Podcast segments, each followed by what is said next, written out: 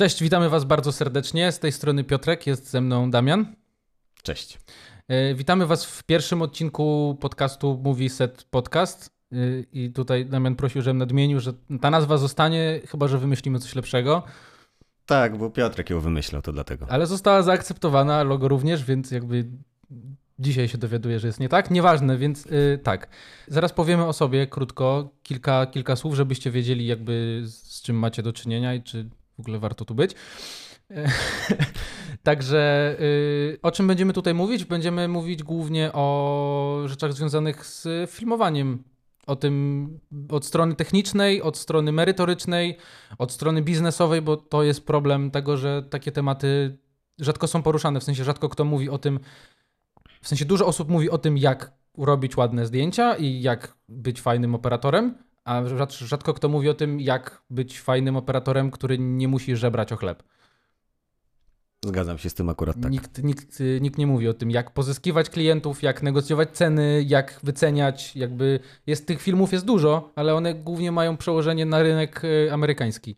A w Polsce jednak trochę mamy inny rynek i inne ceny, innych klientów i inne budżety, więc jakby to jest myślę temat warty poruszenia. Ale dzisiaj powiemy sobie o tym, jak w ogóle to się zaczęło, że zaczęliśmy coś tam kręcić.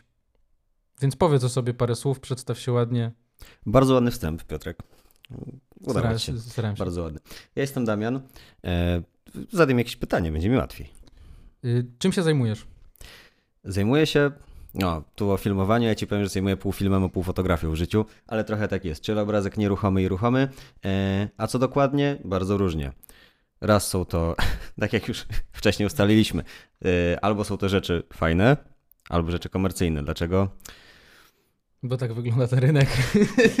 Chyba, że się ma naprawdę dobrą pozycję, to wtedy można robić ci rzeczy i fajne, i dla pieniędzy.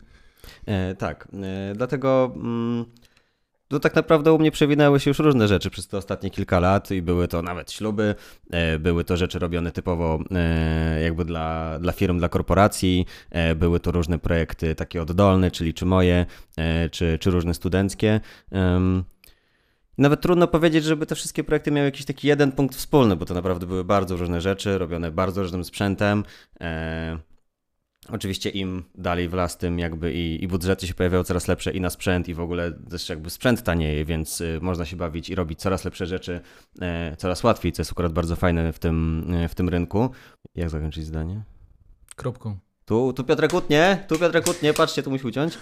E, tak, E, tylko chciałem zdanie zakończyć, to musiałbyś to skleić, widzisz, bo zacząłem wypowiedź, tylko nie skończyłem. I co teraz? Co w takiej no, sytuacji? Tak zostanie jak jest. To ja się, ty, ty teraz, to ja powiem coś o sobie, dzięki, że pytasz. E, ja, tak, tak jak wiecie, bądź nie wiecie, pewnie wiecie, bo zazwyczaj, znaczy, y, tak zakładam, że raczej jesteście tutaj stąd, że gdzieś ja to podpromowałem u siebie, czy coś w sensie jakby, no nieważne, mówiłem o tym projekcie już od jakiegoś czasu. Ja nazywam się Piotrek, znaczy nazywam się Oleński, na imię mam Piotrek. E, zajmuję się filmowaniem i fotografią w zasadzie, bo to jest tak pół na pół. Zaczęło się w zasadzie od fotografii, a, a przeszło w filmy od prawie 10 lat. E, mniej bądź bardziej hobbystycznie, mniej bądź bardziej profesjonalnie i dla pieniędzy. E, od zawsze marzyłem o tym, żeby móc to, co robię, przekuć na pieniądze i jakby fa faktycznie utrzymywać się z tego, zarabiać z tego. No i wydaje mi się, że jestem jakby na dobrej drodze na, w takim miejscu, gdzie jednak część moich wydatków i większość, jak nie wszystkie inwestycje, które czynię w sprzęt i w rozwój, e, są finansowane ze zlecenia, nie z mojej pracy, którą wykonuję na co dzień. Czyli to jest dobry pierwszy krok, że inwestycje, które wprowadzasz, się zwracają. Tylko co dalej? Tak, to, to dalej trzeba więcej inwestować, żeby więcej się zwracało. Y, ja również prowadzę kanał na YouTubie, y, który mówi o właśnie filmowaniu i fotografii. To zacząłem bardzo hobbystycznie, bo uważałem, że mam coś do powiedzenia i może nie jakoś tak super, w sensie bardzo merytorycznie, nie bardzo profesjonalnie, ale mój początek w ogóle zaczął się od tego, że jakby oglądałem całą masę poradników na YouTubie. I tak pomyślałem, że nie ma czegoś takiego w Polsce. Nikt nie tłumaczy rzeczy tak w taki prosty, przystępny sposób, tak żeby ktoś naprawdę mógł się tego nauczyć. I jakby stąd się wzięło, że zacząłem robić filmy na YouTube. I stąd w ogóle się wzięło też to, że, że jakby zacząłem trochę edukować ludzi, bo zda zdarzyło mi się również parę razy prowadzić warsztaty y, jakieś, czy to z fotografii, czy to z właśnie filmowania. Ja prowadziłem y, wczoraj, miałem panel, część z fotografii produktowej, a we wtorek y, prowadzę z Lightrooma, z obsługi Lightrooma. To super, ja się przerzuciłem na Capture One w końcu. Dlaczego? No bo jest lepszy po prostu. I jest, na przykład nie, nie, nie możesz w nim zaznaczyć dwóch folderów pod sobą, żeby ci się wyświetliły zdjęcia w jednym rządku. Chyba do dzisiaj tak jest. Nie musisz płacić subskrypcji za Capture One. Ale możesz. Mm, ale nie musisz. I to nie wiem, czy nie większą niż za y, Adobe dla fotografów pakiet. No, chyba trochę tak. No ale to. Dobra, to zacznijmy od tego, o czym będziemy mówić dzisiaj. A dzisiaj powiemy sobie o tym, y, właśnie jak to się stało, że jesteśmy tu, gdzie jesteśmy. W sensie nie chodzi mi, że jak tu jechaliśmy, chodzi mi jakby skąd, skąd się wzięła ta pasja gdzieś do, czy do, do fotografii, czy to do filmowania, od czego to się zaczęło i, i jakby tak. Więc... Dobrze, Piotrze, więc możesz zacząć. Kurde, jak zwykle ja. On, on będzie miał prostszą robotę, bo ja wszystko powiem, bo ja miałem tak samo. Identycznie. U mnie zaczęło się to w zasadzie chyba w gimnazjum w zasadzie, bo wtedy kupiłem sobie pierwszy aparat, yy, miałem taką małpkę Canona. Ja w ogóle wcześniej jeszcze robiłem filmy na YouTubie tam z grami, jakieś vlogi, jakby będąc młodym próbowałem wielu różnych rzeczy. Z jakimi grami? Minecraftem między innymi. Ale o tym bałem, nie mówmy. Nie, bałem nie, się, że, że to powiesz. Nie mówmy o tym. To były, miałem 13 lat wtedy, dajcie spokój. Kupiłem pierwszą małpkę, taką e, Samsunga. Już niestety, y, w sensie z perspektywy czasu żałuję, że posprzedawałem ten sprzęt. Jakby wtedy to było dla mnie bardzo racjonalne, że sprzedam jeden, kupię drugi i wszystko super, jakby hajs się kręci. E, natomiast z perspektywy czasu chętnie bym odkupił ten, ten, ten sprzęt, żeby mieć go tak yy, z nostalgii trochę. Ale kupiłem pierwszy aparat i zacząłem oglądać poradniki na YouTube, jak robić zdjęcia z długą ekspozycją, bo to był pierwszy aparat, który pozwalał na mniej więcej manualne nastawy. I mam gdzieś jakieś pierwsze zdjęcia, jak przejeżdżające autobusy, gdzieś po prostu rozmazane światła, bo to ja jeszcze miałem jakiś statyw za 20 zł kupiony. I tak zacząłem się jakby fascynować tym, że można malować światłem, że można robić piękne rzeczy i jest to za darmo. W, w takim sensie, że oglądając jakieś poradniki właśnie na YouTubie, czy, czy rozmawiając z osobami, które się bardziej na tym znają, mogę próbować nowych rzeczy, uczyć się nowych rzeczy, robić nowe rzeczy yy, za darmo w sensie nie muszę płacić komuś, żeby móc coś robić. Wystarczy, że jakby moja kreatywność mnie ogranicza. I, I, jakby stąd to się zaczęło. Później przechodziłem na kolejny sprzęt, gdzieś tam zmieniałem te aparaty, aż finalnie stanęło na mojej pierwszej lustrzance Canon 600D, który leży sobie tam na półce cały czas. No, klasyk. I ja go nigdy nie sprzedam. Powiedziałem sobie, że jakby ktoś 10 tysięcy mi za niego zaoferował, to go nie sprzedam, bo dla mnie to jest pierwszy aparat. To jest, pierwszy sprzęt, którym zarobiłem pieniądze i pierwsze moje w ogóle płatne zlecenie to było robienie zdjęć na osiemnastce u dziewczyny znajomego z technikum. To był pierwszy raz, kiedy rzeczywiście wziąłem pieniądze za to, żeby coś zrobić, jakby swoją pracę, jak, jakkolwiek na to przekuć. Dam 12 tysięcy za tą 600. Chyba drupi. A jak to było u ciebie? Tak naprawdę y, myślałem o tym, no bo y, ten temat naszej dzisiejszej rozmowy gdzieś tam wcześniej ustaliliśmy. E, i trudno mi jest znaleźć taki jeden jakiś konkretny punkt, gdzie to się zaczęło, natomiast y, w pewnym momencie, to też było dawno temu, tak 10 lat lekko licząc, mm, Razem z tatą złożyliśmy się na taką pierwszą lustrzankę i to był taki pierwszy poważny aparat, którym ja się tak już bawiłem faktycznie. No może nie tak na co dzień, że, że codziennie coś tam klikałem, natomiast faktycznie próbowałem, bawiłem się. To był Olympus E510 z dwoma kitowymi obiektywami. Piękny sprzęt, 4 y, trzecie, wtedy nie mikro 4 trzecie, chociaż rozmiar ten sam, tylko jeszcze to stare mocowanie 4 trzecie. I to był aparat, który faktycznie pozwalał na pełne, w, pełni, w pełni manualne ustawienia. Y, tam były, żeby nie skłamać, wydaje mi się, że trzy punkty ostrości, środkowy i dwa po bokach. Tak, albo, jest... albo może z pięć, ale tak, to było. I oczywiście wszystkie tak na samym środeczku. No pewnie, e... dlaczego nie? Chociaż tam przy małej matrycy i tak ciemnych obiektywach to rekompozycja tam akurat też tak nie bolała, można było ostrzyć środkowym e, i przestawiać. I wtedy zacząłem. Ja miałem dosyć szybko tego takiego tak zwanego HDR Hall, czyli że mm, tak człowiek myśli, że umie robić zdjęcia i myśli potem, że umie robić lepsze, wpada w to takie sidła HDR-u i zaczyna robić wszystkie w ogóle. Kiedyś znalazłem ja, ja, w ogóle nie zaczynałem uczyć się z YouTube'a. Ja nie wiem, czy wtedy nie było, czy jakoś nie miałem w ogóle. Mm, nie patrzyłem na to w ten sposób, że można się z YouTube'a uczyć. Może ja zacząłem wcześniej po prostu niż Piotrek, nie wiem.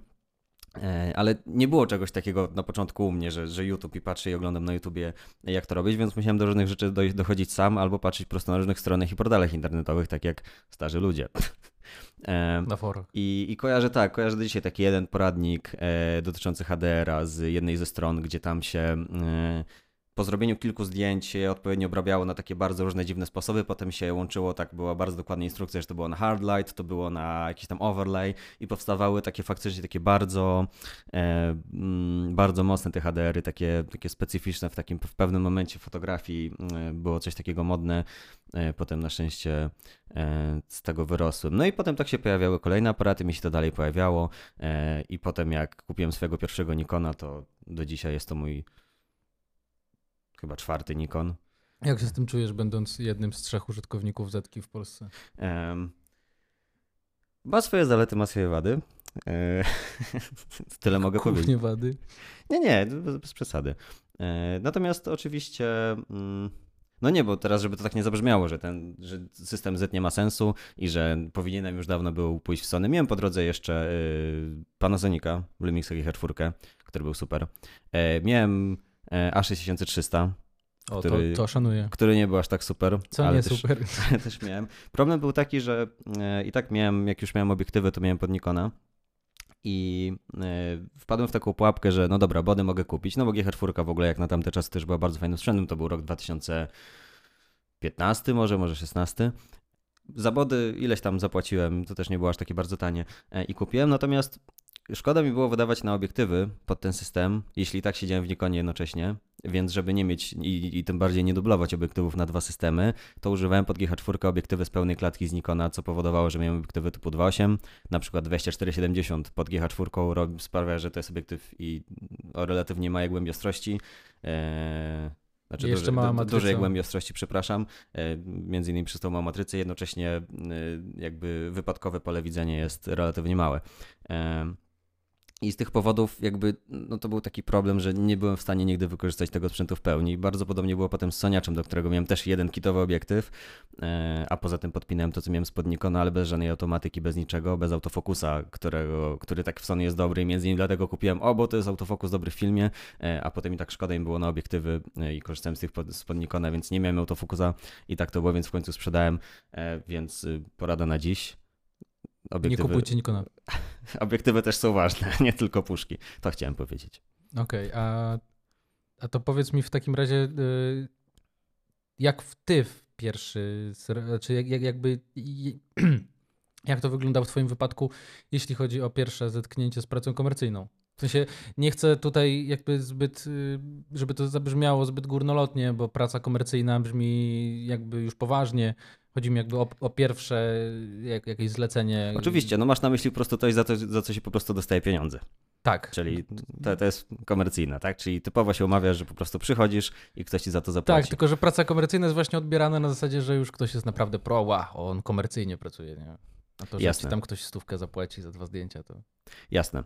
E, to, co było mnie na początku, to były i właśnie osiemnastki, to na pewno, e, i na przykład wieczory panieńskie. To też pamiętam, że to było rzecz na początku. Natomiast akurat y, ja miałem o tyle dobrze, że miałem już doświadczenie w robieniu takich różnych rzeczy, bo mm, działałem przez od dłuższego czasu już wtedy w klubie fotograficznym, który jest przy Politechnice Warszawskiej w Fokusie e, i tam właśnie chodziliśmy, czy na różne bale, czy robiliśmy różne zdjęcia, e, takie no umówmy się, pozowane, portretowe e, i gdzieś tam po drodze na tym wszystkim mogłem zbierać doświadczenie, które potem jakby, jeśli robiłem zdjęcia najpierw w klubie na jakiejś imprezie studenckiej, a potem robiłem zdjęcia na 18 to praktycznie to, to jest dokładnie to samo, to jest to doświadczenie, e, więc jakby miałem tutaj taki dobry e, punkt zaczepienia, punkt startu i nie było tak, że wszedłem i nie wiedziałem co do czego. A myślisz, że myślisz, że do takiej pracy, w sensie, bo to też jest coś, o co dużo osób pyta, e, jakie są potrzebne mm, jakieś predyspozycje, umiejętności konkretne, żeby pracować w, przy filmach, czy przy zdjęciach, czy jak, jak ty uważasz? Mm. Czy jest coś, co jakby definiuje, że, że jakby ktoś y, nadaje się do tej pracy, nie nadaje się do tej pracy? Już, już jakby w tym takim młodym wieku zakładając. Tam mniej więcej, kiedy ludzie zaczynają się interesować jakby przyszłością i jakby odkrywają to, co ich interesuje, no to jest mniej więcej wiek około 15-16 lat zazwyczaj. Mm, to prawda. E, myślę, że y, trudno jest mi wskazać coś, co by było jakimś takim kompletnym przeciwwskazaniem, żeby ktoś na pewno się nie nadawał, czy na pewno by sobie nie poradził w danej branży. Natomiast to, co pokazuje rynek i to, jak obserwuję na przykład to, co się dzieje w internecie, to tak naprawdę to, czy się umie robić zdjęcia, czy się nie umie robić zdjęć, tak samo jest z filmami, to niekoniecznie znaczy, czy się będzie, nie przekłada się to liniowo na to, czy się będzie dużo zarabiać, czy nie. Tak, e, I tak jakby samo robienie zdjęć, e, czy samo czy sama produkcja filmu to jest tylko część y, tego całego procesu, który trzeba podjąć, y, żeby zarobić na tym pieniądze. Tak, ja, czy ja uważam, że w zasadzie poza osobą, znaczy jakby są pewne rzeczy, które mogą może nie o tyle, co kogoś jakby wykluczyć z tego, co, co mogą mu to trochę utrudnić, jest to na pewno kontakt z ludźmi. Jeśli ktoś myśli o karierze, czy w filmie, czy w zdjęciach, jako fotograf, czy właśnie jako operator, czy, czy autor zdjęć, czy jako jakby sam standalone, który sobie prowadzi firmę i robi filmy gdzieś tam dla kogoś, to wydaje mi się, że, że czymś, co, co może nie pomóc, jest. Y, nie chcę tego nazywać, że, jakby, że ktoś, kto jest introwertykiem, może mieć problem, bo sam jestem introwertykiem i ja nie mam z tym problemu, ale to, to jakby ludzie mają jakby różne podejście. Natomiast uważam, że trudności w kontaktach z ludźmi mogą dość mocno przeszkadzać. Zgadzam się, natomiast myślę, że można to przełożyć e, na tak naprawdę każdą branżę. W każdej branży, w której chce się zrobić coś e, jakby na własny rachunek, czy założyć działalność i w ten sposób pracować. W zasadzie e, sprzedać coś. Nie? Czy cokolwiek sprzedać. Nie na zasadzie iść na etat, to w każdej, w, ka w każdym tak naprawdę, w każdej branży przydaje się umiejętność łatwego nawiązania kontaktu z drugim człowiekiem. To, to nie musi się tylko ograniczyć do filmu czy do foto. Z wyjątkiem, i tutaj w sensie może to zabrzmieć śmiesznie, ale z wyjątkiem osób, które są naprawdę specjalistami w swojej branży, tacy, którzy, którzy są wybitni i jakby wybijają się ponad całe społeczeństwo, e, wtedy to już totalnie nie ma znaczenia moim zdaniem. Jeśli ktoś e, jest, w sensie ma jakby, nie wiem, jakieś fobie społeczne, nie lubi ludzi, nie, jakby nie lubi się spotykać z ludźmi, mieć żadnego kontaktu z ludźmi, ale jest tak wysokim specjalistą w swojej branży, że branża nie jest w stanie przejść obok niego obojętnie, to wtedy klienci będą się dostosowywać do niego, a nie on do nich. Zgadzam się, no ale to jest kwestia już wyrobionej po prostu marki. Tak, tak. I, i więc, więc jakby to jest też to, o co mnie ludzie pytają często. Czyli jakby co zrobić, żeby zacząć? Co zrobić, żeby zacząć zarabiać na filmach, że coś tam sobie kręcę, ale ja nie wiem, co mam zrobić, ja nie wiem, czy ja się do tego nadaję. To ja uważam, że każdy może to robić, bo to, to jakby trochę spłycam w sumie w zasadzie całą swoją karierę, e, ale ja uważam, że i filmowanie, i fotografia jest coś, czego jest czymś, czego można się nauczyć. Jest to coś, gdzie jeśli ktoś ma predyspozycję, ma oko do tego, żeby widzieć rzeczy w inny sposób, i uchwycić to na zdjęciu, to jest super. Ale jeśli ktoś tego nie umie, w sensie nie ma tego wyrobionego z natury, to jest w stanie się tego nauczyć. Jest w stanie się nauczyć robić ładne zdjęcia, nauczyć robić ładne filmy, nie czując tego. Mhm. E, ja też zauważyłem, że e, tak jak na przykład obsługa sprzętu, czy fotograficznego, czy filmowego, e, to jest jedna rzecz, natomiast jednocześnie z tym, podczas całego procesu nauki, gdy ludzie zaczynają wchodzić w ten światek, jednocześnie też ludziom zaczyna się kształtować gust. I ludzie na początku robią rzeczy tak obiektywnie gorsze, nie tylko dlatego, że właśnie czy mają gorszy sprzęt, czy gorzej go obsługują, tylko też dlatego, że jeszcze nie mają tak dobrze wyrobionego swojego gustu. E, I wraz z upływem czasu, gdy oni robią kolejne rzeczy, testują kolejne rzeczy, e, no przy okazji zazwyczaj się poprawia sprzęt, ale jakby właśnie to nie jest najistotniejsze, też to, co jest bardzo ważne, wyrabia się gust. I dzięki temu potem można robić lepsze rzeczy. Tak, też mi się tak wydaje, bo, bo, bo jakby ja na przykład patrząc na swoje rzeczy sprzed kilku, nawet kilku lat, no już nie mówię kilkunastu, bo na to nie jestem w stanie patrzeć, e, ale nawet sprzed kilku lat, czy nawet kilkunastu miesięcy, e, jakby z perspektywy chwili obecnej, widzę ile rzeczy robiłem źle. E, myślę, że każdy tak ma. Jak szybko to się zmienia, w sensie jak, jak szybko można zauważyć swoje błędy. To jest jedna rzecz, ale druga rzecz jest taka, że zastanawiam się, na ile jest to kwestia też y, naszego zmieniającego się gustu, bo przez całe nasze życie nasz gust też będzie cały czas gdzieś tam, gdzieś tam się zmieniał. Chociażby przez to, przez pryzmat tego, co widzimy na przykład w internecie, no bo też oczywiście jesteśmy zalewani cały czas i gdyby nagle wszyscy zaczęli robić zdjęcia czarno-białe i publikować tylko zdjęcia czarno-białe. To wszystkim e, by się podobały zdjęcia czarno-białe. To samo byś miał, też byś zaczął robić zdjęcia czarno-białe i to, że przez całe życie robić do tej pory kolorowe, by ci się wtedy wydawało, ten kolor w ogóle nie jest istotny. Jakoś w tym tak kolorze dużo gorzej widać światło, rozkład pomiędzy światłem a cieniem e, i takie inne zalety, które mają zdjęcia czarno-białe. Tekstury. tak, tak, tak, dokładnie. Ja bym chciał jeszcze powiedzieć o, o czymś, co jest bardzo popularne w tej branży, ale to myślę, że zostawię to na koniec. Chodzi mi o impostor syndrom. E, ale to zostawię na koniec, bo to jest jakby warto to omówić z perspektywy jakby całości. I powiedz, co było dalej. W sensie zacząłeś, e, wkręciłeś się w to pierwsze jakieś rzeczy i, i co było dalej?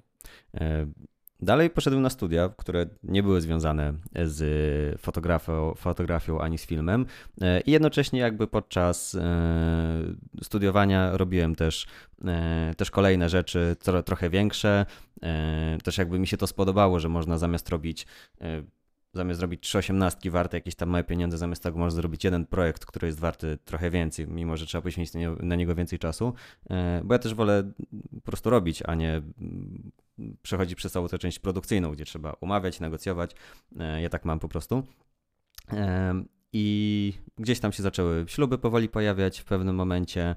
E, czy na przykład złapałem, no to już trochę późniejszy okres, ale na przykład złapałem stałą współpracę z jedną z firm e, posiadających swoje biura, e, dla których po prostu regularnie co miesiąc dostarczamy jakieś tam właśnie treści wizualne, foto, wideo czy grafiki. I to już był taki moment, gdzie właśnie i jednocześnie, jeszcze wtedy już akurat kończyłem studia i już tak w miarę regularnie, w miarę stale robiłem rzeczy związane typowo z foto i z wideo. Jak było u Ciebie? Ja w zasadzie, moja kariera, w sensie w cudzysłowie kariera, bo to jakby ciężko to inaczej określić, moja droga, do, do jakby, którą przyszedłem, żeby być tu, gdzie jestem. Dalej ja trochę zboczyłem, bo jakby fajnym mi się wydawało robienie zdjęć, kręcenie filmów, jakby super. Ale nigdy nie myślałem o tym z perspektywy kariery, gdzieś tam majaczyło to na horyzoncie, że fajnie byłoby coś robić, ale przy wyborze szkoły średniej i to jest właśnie ten moment, gdzie ja byłem w tym piku takim, że uważałem, że ale ja jestem dobry. O Jezus Maria, ja robię najlepsze zdjęcia na świecie. Jest jakby nie ma lepszych ode mnie, nie ma szans. I powiedziałem sobie, nie idę do szkoły fotograficznej, bo niczego mnie nie nauczą. I poszedłem na gastronomię. Znaczy to akurat jest jakby wypadkowa innych rzeczy. Natomiast poszedłem na gastro i jakby przez całą szkołę uważałem, nie, ta szkoła fotograficzna to i tak by była nie dla mnie, bo nic by mnie tam nie nauczyli. Ja sam się nauczę dużo więcej i z poradnikami na YouTubie. No i tak sobie siedziałem w tej szkole. Jakoś w połowie z tych czterech lat stwierdziłem, że to nie jest dla mnie. Ja nie chcę pracować w gastro. E, wtedy, wtedy mówiłem sobie, że praca po 14 godzin dziennie, ileś dni w miesiącu jakby nie jest dla mnie. Patrząc z perspektywy czasu na moją pracę, to wcale nie wygląda to lepiej, a teraz się cieszę jak dziecko, że u, jadę na zdjęcia. Natomiast y, Gdzieś w połowie też również dla mojej szkoły przygotowałem film promocyjny. Na jakieś targi szkół, coś takiego zostałem, bo miałem dobry kontakt gdzieś tam z, y, z pedagogiem, z, z dyrektorką. Zostałem poproszony o to, żeby jakby wiedzieli, że się tym interesuję, wiedzieli, że robię coś tam na YouTube'a, więc jakby padło pytanie, czy ja mogę coś takiego przygotować. Ja powiedziałem, czemu nie? Wynajęli mi sprzęt, bo to jakby dostałem jakiś budżet, więc wynajęli mi sprzęt Pamiętam wtedy pierwszy raz. Znaczy, y, aparat był mój, bo to już był ten mój kanon, y, ale wynajęli mi, pamiętam wtedy Steadicama. I to był Glidecam 2000. Klasyk. Pierwszy raz używałem tego sprzętu, nie miałem bladego pojęcia, jak to się wyważa. Nie wiem, jakim cudem, w sensie ja to albo ten sprzęt jest taki dobry, albo ja byłem tak głupi, że to się udało, bo ujęcia wyszły super. A ja nie miałem bladego pojęcia, jak z tym chodzić, jak to trzymać, a jak to wyważyć. Nic, totalnie nic, ale wyszło super, więc jakby jest ok. E, no i w pewnym momencie spotkałem swojego znajomego, który na ten moment studiował reżyserię e, w jednej z warszawskich szkół. I tak właśnie rozmawiając z nim, bo my się znaliśmy jeszcze w ogóle z, z gimnazjum, no on jakby mieszkał blisko mnie, e, więc jakby gdzieś tam wcześniej mieliśmy kontakt. No i on mi zaczął opowiadać, że, no, że on właśnie studiuje reżyserię i coś tam, coś tam, coś tam, coś tam. Ja tak zacząłem się interesować tematem, że a może rzeczywiście warto pójść i jakby nauczyć się czegoś. Potem przyszedł jego dyplom, e, który ja miałem przyjemność pomóc e, w kręceniu jego, który, który swoją drogą wyszedł super. E, no Jak tak, patrzysz z perspektywy czasu? Znaczy, tam jest niewiele mojej pracy, wbrew pozorom. Ja tam byłem bardziej do pomocy, natomiast do tej pory pamiętam, że to, był moje, to, to było moje pierwsze jakby zetknięcie się z planem filmowym. Okay. Z takim średnio zaawansowanym studenckim planem filmowym do etiudy, załóżmy. Więc jakby było trochę sprzętu, było trochę ludzi, nie za bardzo ktoś, nie, jakby nie wszyscy wiedzieli, co mają robić, ale to wiadomo, jakby wszyscy się uczą. Tak, ale, ale pewnie była już ta specyficzna atmosfera planu zdjęciowego. Tak, że jakby, że, że, ciągle jest za późno, że ciągle nam brakuje czasu, że tego nie mamy, że zaraz nie będzie słońca, że 20 dubli. Dokładnie tak. I pamiętam wtedy się bardzo, bardzo się zajarałem e, właśnie tym. W sensie to, to, to już był moment, kiedy ja aplikowałem do, do tej szkoły praktycznie. E, a to tylko mnie uświadomiło w tym, że ja chcę to robić w życiu. No i poszedłem do tej szkoły. Na początku uważałem, że tak jak wcześniej, czego oni mogą mnie nauczyć. No i na początku rzeczywiście jakby były takie podstawy omawiane, które ja tam wiedziałem, więc jakby nie za bardzo czułem się, że cokolwiek się uczę i tylko płacę za to pieniądze. Natomiast im dalej, tym jakby mimowolnie dowiadywałem się rzeczy, których nie wiedziałem i jakby wychodząc z tej szkoły uważam, że dała mi ona bardzo dużo, w szczególności bardzo dużo obycia e, z bardzo dużo obycia z, ze sprzętem, jakby z, z techniczną stroną, z, z, teoretyczną stroną, rzeczy, których na YouTubie się nie mówi, w sensie przy takich jakichś poradnikach, bo są zbyt techniczne i nikogo nie interesują. Na przykład czym się różni matryca e, o Jezu. CCD od, od CMOS. Dokładnie tak, CCD Ciekawe. od CMOS. E, dlaczego na przykład w teleskopach się sto, e, stosuje matrycę CCD? E, dlaczego, w sensie jaka jest różnica? Dlaczego matrycę CMOS można rozbudowywać do nieskończonej ilości pikseli, a CCD nie można? Jakby to są rzeczy, które nikogo nie obchodzą. Albo na przykład dlaczego mamy temperaturę barwową? Dlaczego jest 5500 kelwinów? Względem czego? No ja wiem. To jest pytanie? Tak, to jest pytanie. Względem e, rozgrzanego jakiegoś tam materiału. No i jest taki materiał, który nazywa się ciało idealnie czarne, który nie istnieje. Tak. E, natomiast naukowcy zmierzyli, że po rozgrzaniu go do odpowiedniej temperatury on zaczyna emitować światło o konkretnej barwie. No, na przykład takie 5600. Na przykład po rozgrzaniu do 5600, 5600 stopni Kelwina będzie emitować takie białe światło jak słońce z chmur. A rozgrzewając do jedynie 3200 stopni Kelwina będzie świecić na żółto. To... I stąd mamy temperaturę barwową. Piotrek bawi i uczy. Nie ma za co. Tak, wiedza faktycznie najbardziej przydatna w praktyce potem widzę. Znaczy, to są rzeczy właśnie, które jakby są fajnym smaczkiem, żeby gdzieś rzucić w rozmowie, na przykład właśnie... Idziesz na imprezę, tak rozmowa się nie klei, tak wszyscy siedzą, piją swoje soczki i tak nie ten... A wiecie wchodzi, skąd jest temperatura barwowa? Słuchajcie, a wiecie skąd jest temperatura barwowa? I wiecie ile ma ta lampka? Ja wiem, bo ja, ja filmuję, ona ma 3700. A wiecie skąd się wziął dźwięk w filmie? Jakim cudem? Przecież to klisza, tam obrazki, a tam dźwięk oni dołożyli? A wiecie, że kiedyś tam siedział taki pan na pianinie w sali kinowej i przygrywał? A wiedzieliście, że nie pamiętam w którym roku wymyślono, znaczy wymyślono, odkryto podwójną ekspozycję przez to, że po prostu ktoś nie zmienił rolki filmu i nagrał jeszcze raz na tej samej? To są rzeczy, które są głupie i które są nikomu niepotrzebne, albo to, że w 1895 roku stworzono pierwszą kamerę.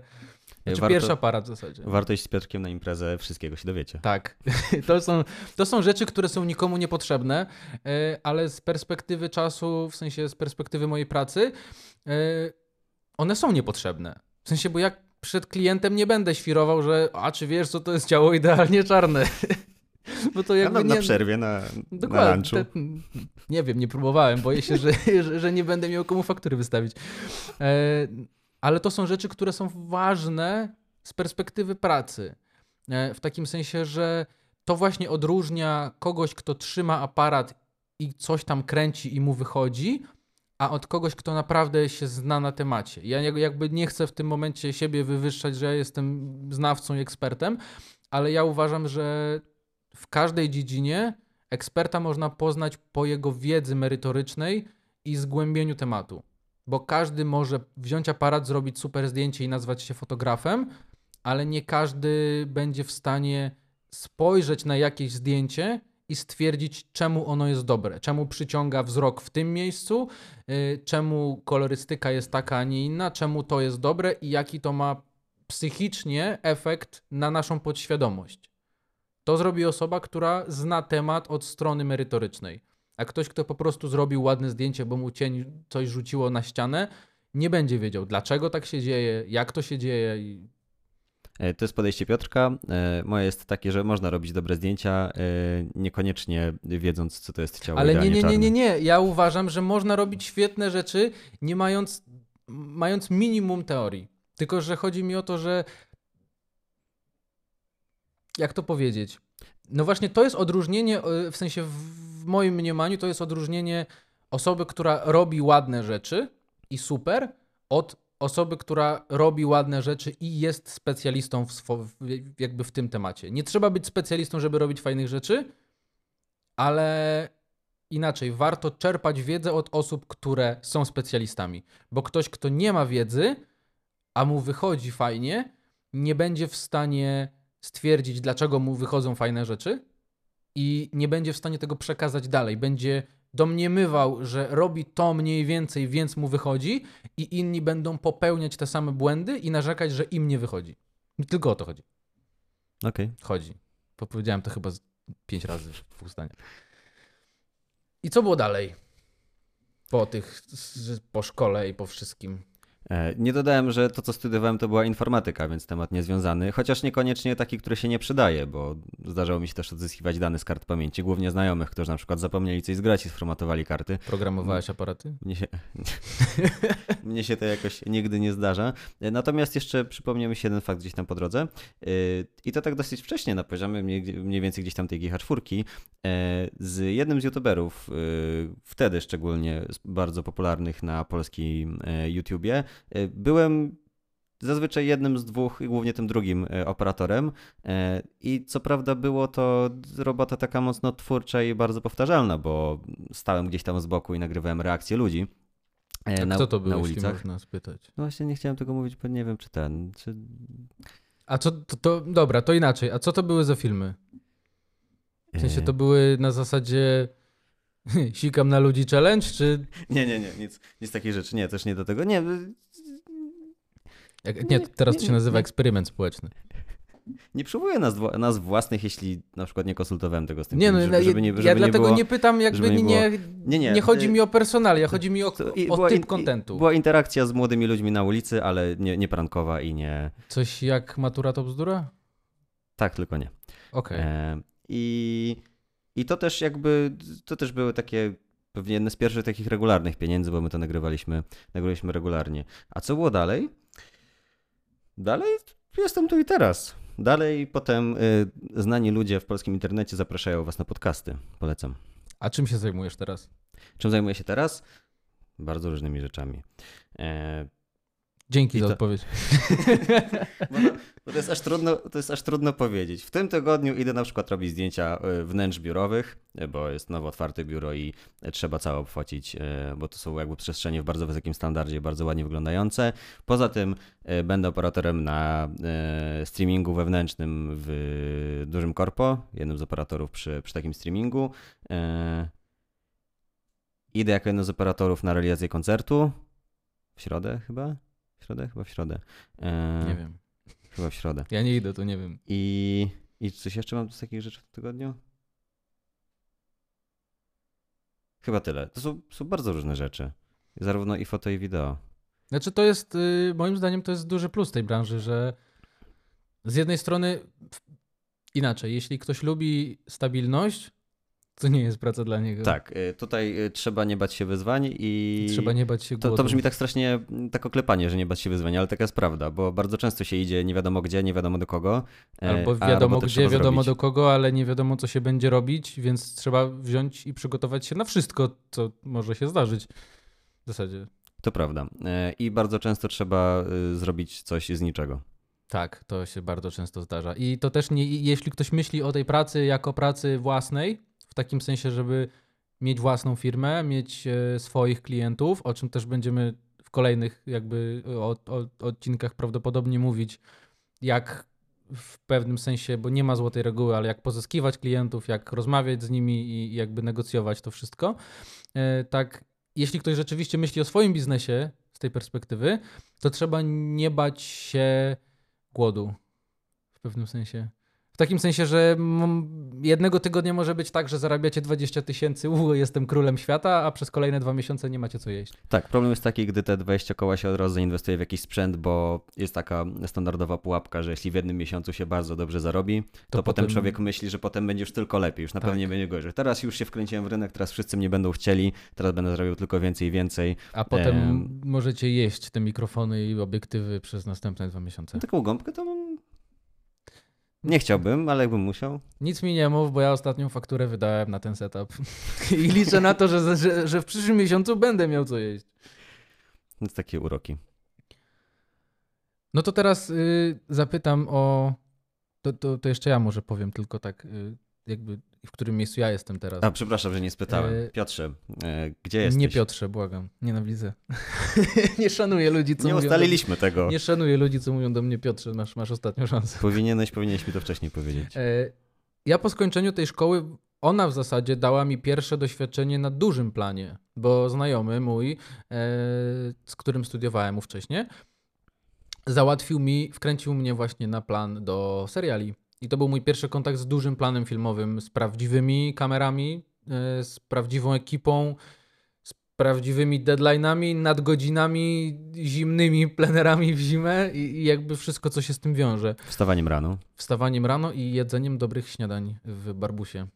Yy, tak. To, to pamiętam całkiem nieźle. Chociaż trochę niezdrowa ta dieta. Nieważne. Yy, tam posiedziałem trochę na projekcie. Później yy, jakoś tak wyszło, że, że, że jakby się rozstaliśmy z tym projektem, czy ja z tym projektem. Yy, I od tamtej pory moje życie wyglądało w ten sposób, że starałem się robić swoje rzeczy. W sensie starałem się szukać klientów, robić projekty, tutaj zdjęcia, tu filmy, tu coś, tam grafiki.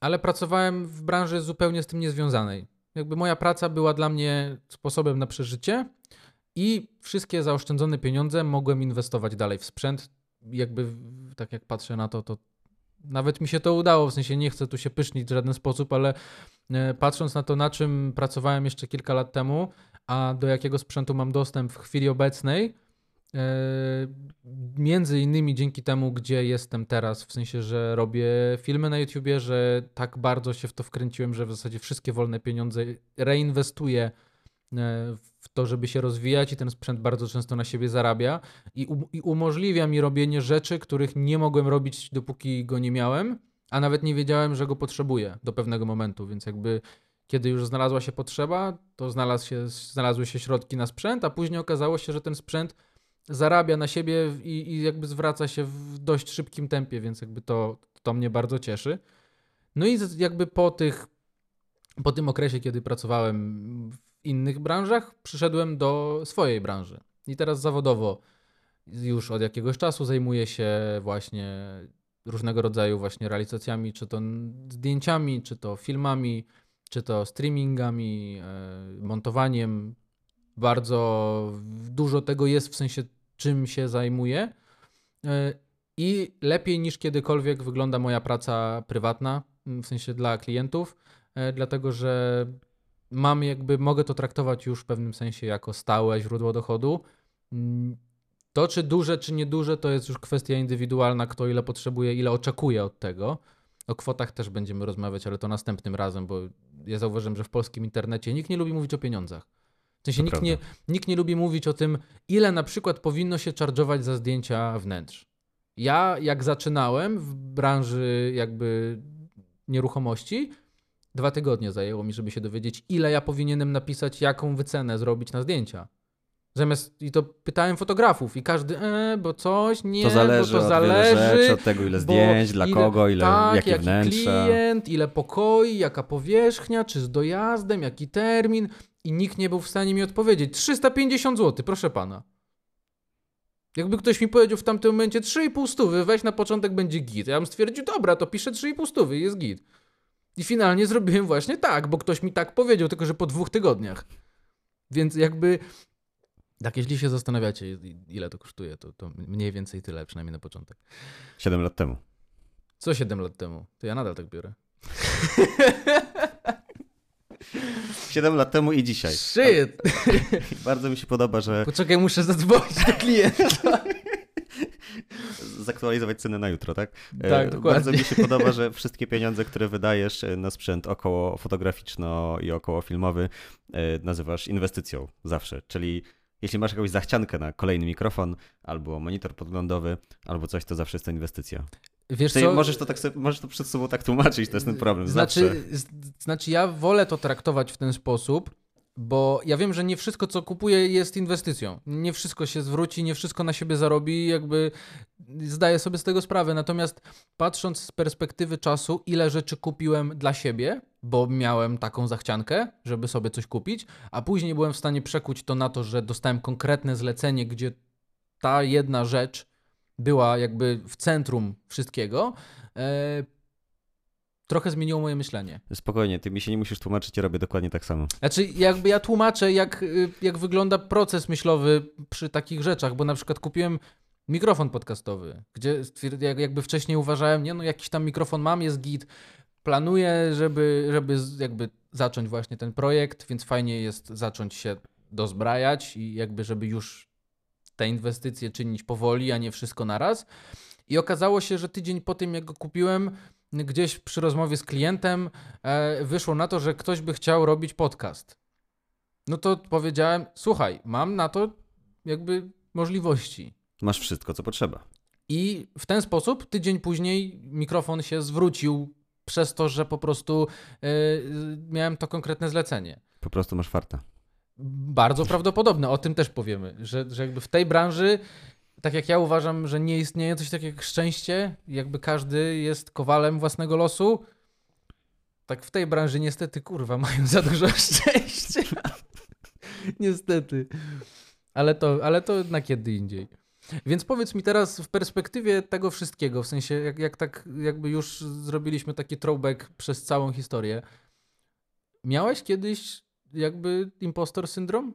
Dla tych, którzy nie wiedzą, impostor syndrom to jest jakby syndrom oszusta, czyli że ktoś uważa, że wszystko, co osiągnął w życiu, jest efektem przypadku, albo znajomości, albo różnego zbiegu okoliczności, a nie jego umiejętności. Uważa, że y, to, co robi, nie jest wystarczająco dobre do tego, żeby na przykład na tym zarabiać, żeby być chwalonym czy cokolwiek. To jest kwestia poczucia własnej wartości. Ale nie masz tak? Czy nie? E mi się wydaje, że to jest, w sensie jedno i drugie można bardzo wyraźnie od, jakby rozgraniczyć, bo ja czuję, że moja praca wnosi dużo dla klienta, dla jakichś projekty, które realizuje, wnosi wartość, na którą on może przekuć na pieniądze, ale ja bardzo często czuję, w szczególności kiedy coś mi nie wychodzi, kiedy dostaję jakiegoś maila z poprawkami, z jakimiś totalnie głupimi rzeczami, yy, i ja mam takie poczucie, że czy ja na pewno dostając jakieś zlecenie z polecenia, czy gdzieś, bo ktoś coś widział, czy ja na pewno to zrobię, czy ja jestem w stanie to zrobić, czy ktoś nie widział mojej pracy wyrywkowo na zasadzie tych, co mi się udały. Ja bym powiedział, że to trochę zależy, jakby czego oczekujemy, bo jeśli no jesteśmy nastawieni tylko i wyłącznie na biznes, czyli na to, żeby wziąć każde zlecenie i zarobić jak najwięcej pieniędzy, wtedy oczywiście możemy powiedzieć i obiecać, że zrobimy wszystko e, i brać te zlecenia, potem mieć umówiony termin zdjęć i potem się martwić, jak my to zrobimy, czy my to w ogóle zrobimy, szukać ludzi do tego dopiero. Ja tak e, robiłem parę razy. Czy dopiero się uczyć. No właśnie, to jest jedno podejście. A drugie jest takie, że jesteś bardzo jasny w swojej komunikacji i jeśli wolisz mieć trochę spokoju ducha, to albo na przykład polecić kogoś znajomego, kto wie, że się czymś takim zajmuje, albo jeszcze wziąć z tego prowizję, jak niektórzy robią, e, albo zrezygnować z różnych powodów, e, przecież też zawsze ze zlecenia można, chociaż wtedy problem jest taki, że drugi raz już nie zapytają. Właśnie, to, standardowy to jest, problem. Tak, to jest właśnie to. I ja ci powiem szczerze, ja parę razy mi się zdarzyło na, na zasadzie fake it till you make it, bo ktoś mi kiedyś powiedział, że uczysz się wtedy, kiedy masz wyzwanie. Więc yy, dopóki robisz rzeczy w, jakby w swoim comfort zone, to możesz uważać, że jesteś najlepszy i jakby przez 20 lat się nie rozwinąć. I ktoś mi kiedyś powiedział, że, na, że, że on w, sw w, w swoim wypadku na początku kariery brał zlecenia, wiesz, produktówka, portrety, pakszoty, zdjęcia wnętrz, coś tam, wiesz, wszystko brał.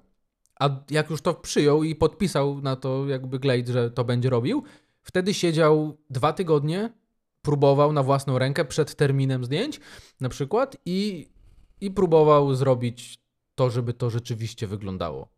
I ja powiem szczerze, robiłem dokładnie to samo. W sensie wziąłem e, zlecenie na produktówkę, e, dostałem termin na zasadzie takiej, że słuchaj, za tam tydzień coś będziemy mieli produkt i wtedy jakby będziesz miał tam czas, tylko że do końca miesiąca musimy to mieć zrobione. Mhm. Więc miałem mniej więcej trzy tygodnie na całość, z czego po tygodniu miałem dostać produkt. Więc przez tydzień, po myślę, że 4 godziny dziennie siedziałem tu w studio u siebie, no i tłukłem zdjęcia w różną stronę. Lampy tu, lampy tu, lampy tu, tu dyfuzja, tu coś tam, tu coś tam. Gdzie finalnie okazało się, że jakby w sensie na koniec tego tygodnia, że jest całkiem nieźle, w sensie, że to jest już coś, co jakby mi się podoba. Podrzuciłem to klientowi i tak go pytam, mówię, czy to jest mniej więcej to, co chcemy osiągnąć. Bo jakby chcę wiedzieć, w którą stronę mam iść z, jakby z preprodukcją. Mówi tak, że jest zajebiście, słuchaj. Jutro będziemy mieli produkt. Mówię, kurde. Trzasnę to raz, dwa, trzy, nawet nie ściągałem setu. Mówię, trzasnę raz, dwa, trzy, łatwy hajs. Tylko, że okazało się, że to była butelka, która miała w środku płyn, który był kolorowy. A butelka była tak idealnie wypolerowana. E, a ja, a ja robiłem foty wcześniej czegoś, co butelka była też błyszcząca, ale była czarna w zasadzie, nie? I nagle się okazało, że mam milion problemów, których nie przewidziałem. I przez trzy tygodnie siedziałem i kleiłem to tak, żeby się udało. I, I nie spałeś, ale zrobiłeś. Znaczy nie, że nie spałem. Jakby poświęcałem bardzo dużo uwagi i jakby starałem się w wolnym czasie nie stresować tym, że Jezus, że nic mi nie wychodzi, a musi mi wyjść, bo muszą mi za to zapłacić. W sensie jakby wyjdę na niepoważnego. Nie myślałem w ten sposób, a bardziej zastanawiałem się, i to było w sensie zabawne dość, bo przez dwa tygodnie praktycznie, codziennie, w międzyczasie poza siedzeniem w studio, zastanawiałem się, a co jak zrobię tak? A co jak ustawię lampę tu? I to nie na zasadzie takiej, że się stresowałem i miałem jakby lęk przed tym, że coś nie wyjdzie, gdzie po prostu całymi dniami siedziałem i o tym myślałem, jak zrobić coś takiego, a może tak, a może tak, a może tak. I finalnie zdjęcie, które poszło tam gdzieś do reklamy, zrobiłem na 3 godziny przed deadline'em. W środku nocy. No też akurat w przypadku takiego zlecenia łatwo jest ci zdjęcie powtórzyć. Tak. E, czy siedzieć nad tym tak długo, aż ci wyjdzie. Co innego, gdy masz e, do zrobienia, dajmy na to reportaż z czegoś, co się nie powtórzy i wtedy masz jedną szansę. E, ale oczywiście, słuchajcie, Piotrka, jego podejście jest dużo bardziej rozwojowe, jeśli o to chodzi. Mam dużo sprzętu, to znaczy, że jestem pro. No tak, to prawda. No. Kurs macie w opisie, możecie kupić. A dlaczego ten sprzęt cały nie jest tutaj na półkach? Da, nie ma tu półek. Nie Dlaczego było, nie ma tu półek? nie byłoby ładnych światełek. Astery, 5000 sztuka. No ale swojego Reda Scarlet byś tu postawił, gdyby, gdyby była półka, tylko nie ma półki. Nie mogę. Okej. Okay. On służy jako ten, do trzymania drzwi już. teraz, tylko, teraz tylko Alexa Mini LF. I to też do, do wesel bardziej niż ten. Nie no wiadomo. Tak to fantomem wszystko. No. Te drona chodzę, tak biegam z nimi, wiesz. Czyli jaka jest konkluzja w zasadzie? W sensie jakby y, zależy mi na czymś. Y, ja dużo o tym myślałem i ciężko mi jest tak sformułować jakby jedno czy dwa zdania. Ale jakbyś to podsumował w sensie swoją karierę dla osób, w, w sensie jakbyś rozmawiał z kimś, kto cię pyta, bo sam jest zainteresowany wejściem do branży. Jakby jakbyś podsumował, jakie, co byś polecił komuś, kto jest na etapie, gdzie uważa, że fajne filmy, fajne zdjęcia, może bym zaczął coś robić. W sensie jeszcze nic nie robił, albo myśli o tym, żeby kupić pierwszy aparat i nie wiem, telefonem coś tam robił. Na pewno powiedziałbym, że nie ma takiej jednej ustalonej drogi, którą trzeba przejść. E, to nie jest. E, to nie są studia lekarskie, to nie jest tak, że trzeba zrobić studia lekarskie i papier, żeby potem dopiero móc być lekarzem, i specjalizację po drodze wiadomo. I to nie jest tak, że albo że trzeba zacząć jak się jest bardzo młodym, albo że trzeba skończyć takie studia, albo że jest taka wytyczona ścieżka kariery, że trzeba, żeby robić zdjęcia, na przykład pójść do Akademii Fotografii i dopiero potem można robić zdjęcia. Nie ma czegoś takiego, że e, żeby robić filmy trzeba pójść czy, czy do Łodzi, e, czy do którejś z warszawskich szkół, e, żeby filmować, czy no, filmować to już takie górnolotne określenie, ale w ogóle, żeby robić jakiekolwiek produkcje wideo. Nie ma czegoś takiego. Poza tym, no też często jest tak, że ludzie pracują na etatach, a przy okazji zaczynają się na przykład czymś takim interesować zainteresować, gdzieś tam po, w pewnym momencie zaczynają się zastanawiać, czy może na przykład pójść w tę stronę, zrezygnować z tego swojego etatu i mm, jakby nie trzeba robić nic na siłę i nie trzeba przyspieszać. Y, można też spokojnie się gdzieś tam rozwijać. Oczywiście wtedy problem jest taki, że trzeba jednocześnie nadążać za wszystkimi zmianami, które się pojawiają. To jest zawsze ten problem, tak jak się na przykład robiło Cyberpunka prawie 10 lat i gdy zaczynało się robić, a gdy się kończyło, to były zupełnie inne technologie sprzętu, zupełnie innej e, mocy, e, więc to jest takie ryzyko. Natomiast poza tym y, można zacząć w dowolnym momencie e, i też nie trzeba ani wydawać tych pieniędzy na szkoły, e, ani poświęcać tego czasu, w razie czego, jeśli nie ma się takich możliwości, bo można się bardzo dużo nauczyć samemu, e, bo mamy całego YouTube'a, który jest teraz, którego też się można dużo nauczyć, chociaż z tym też jestem tak, byłbym trochę ostrożny z tego powodu, że mm, nie wszystkie informacje tam są poprawne, ta wiedza też jest mocno nieuporządkowana, więc uczenie się z YouTube'a ma też swoje e, pewne wady, ale można, na pewno się można bardzo dużo nauczyć. Poza tym sprzęt lepszy można wypożyczyć, nie trzeba go kupować, a nawet jeśli chce się kupić sprzęt, to sprzęt, który teraz kupimy za 3 czy 5 tysięcy złotych jest dużo lepszy niż ten, który byśmy kilka lat temu kupili za te same pieniądze, więc można robić dużo lepsze rzeczy za, za niewielkie pieniądze. Okej. Okay. Ja, gdyby ktoś mnie zapytał o coś takiego, to powiedziałbym, że po pierwsze, żeby zaczął. Bo ja sam tak mam, że przy wielu rzeczach myślę, zastanawiam się, co by było, gdyby tak, gdyby tak, gdyby tak.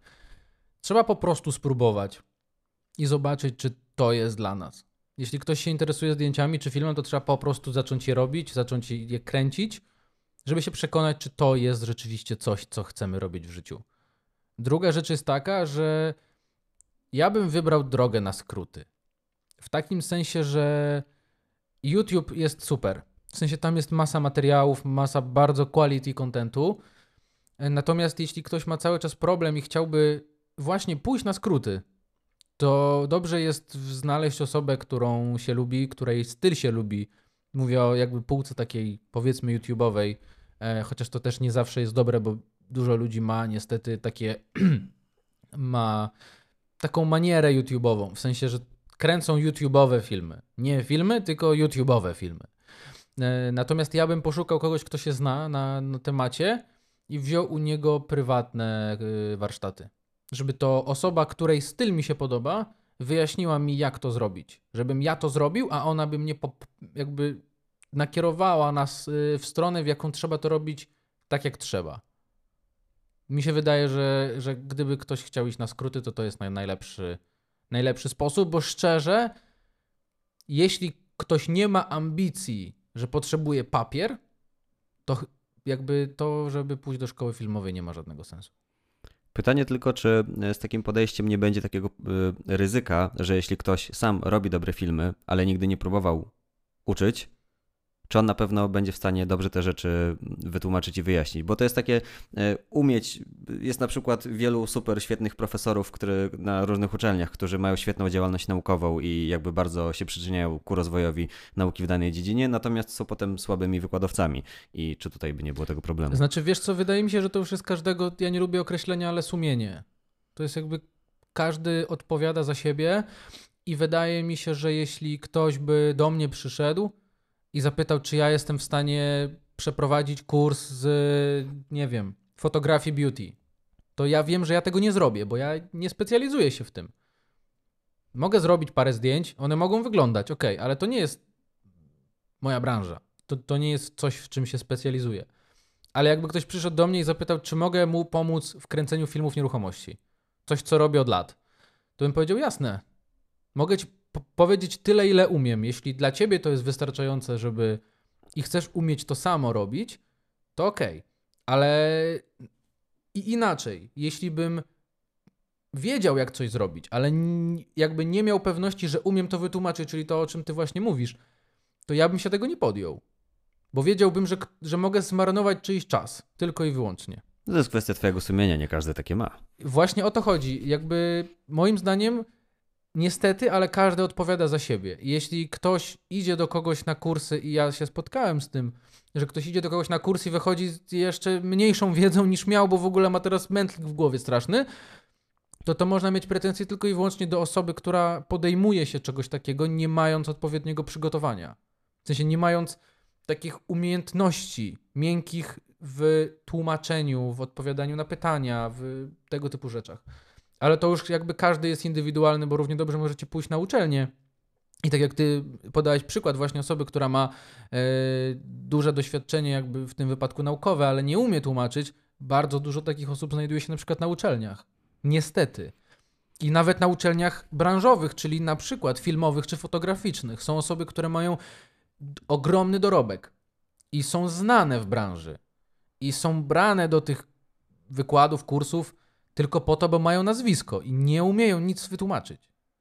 Czyli się, ze mną, czyli się ze mną zgadzasz? Zgadzam się, że jest to niebezpieczne. W sensie, że jest to ryzyko. Yy, I niestety każdy to ryzyko musi podjąć samemu. Warto jest, ja na przykład, jak kiedyś prowadziłem kursy, parę razy mi się zdarzyło, zawsze robiłem w ten sposób: słuchaj, zróbmy sobie 10-15 minut takiego jakby wstępnej lekcji, poruszmy jeden z 10 tematów, jakie chcesz, żebyśmy omówili, jak jakąś zajawkę, i ty ocenisz, czy ja jestem dla ciebie dobrym tłumaczem.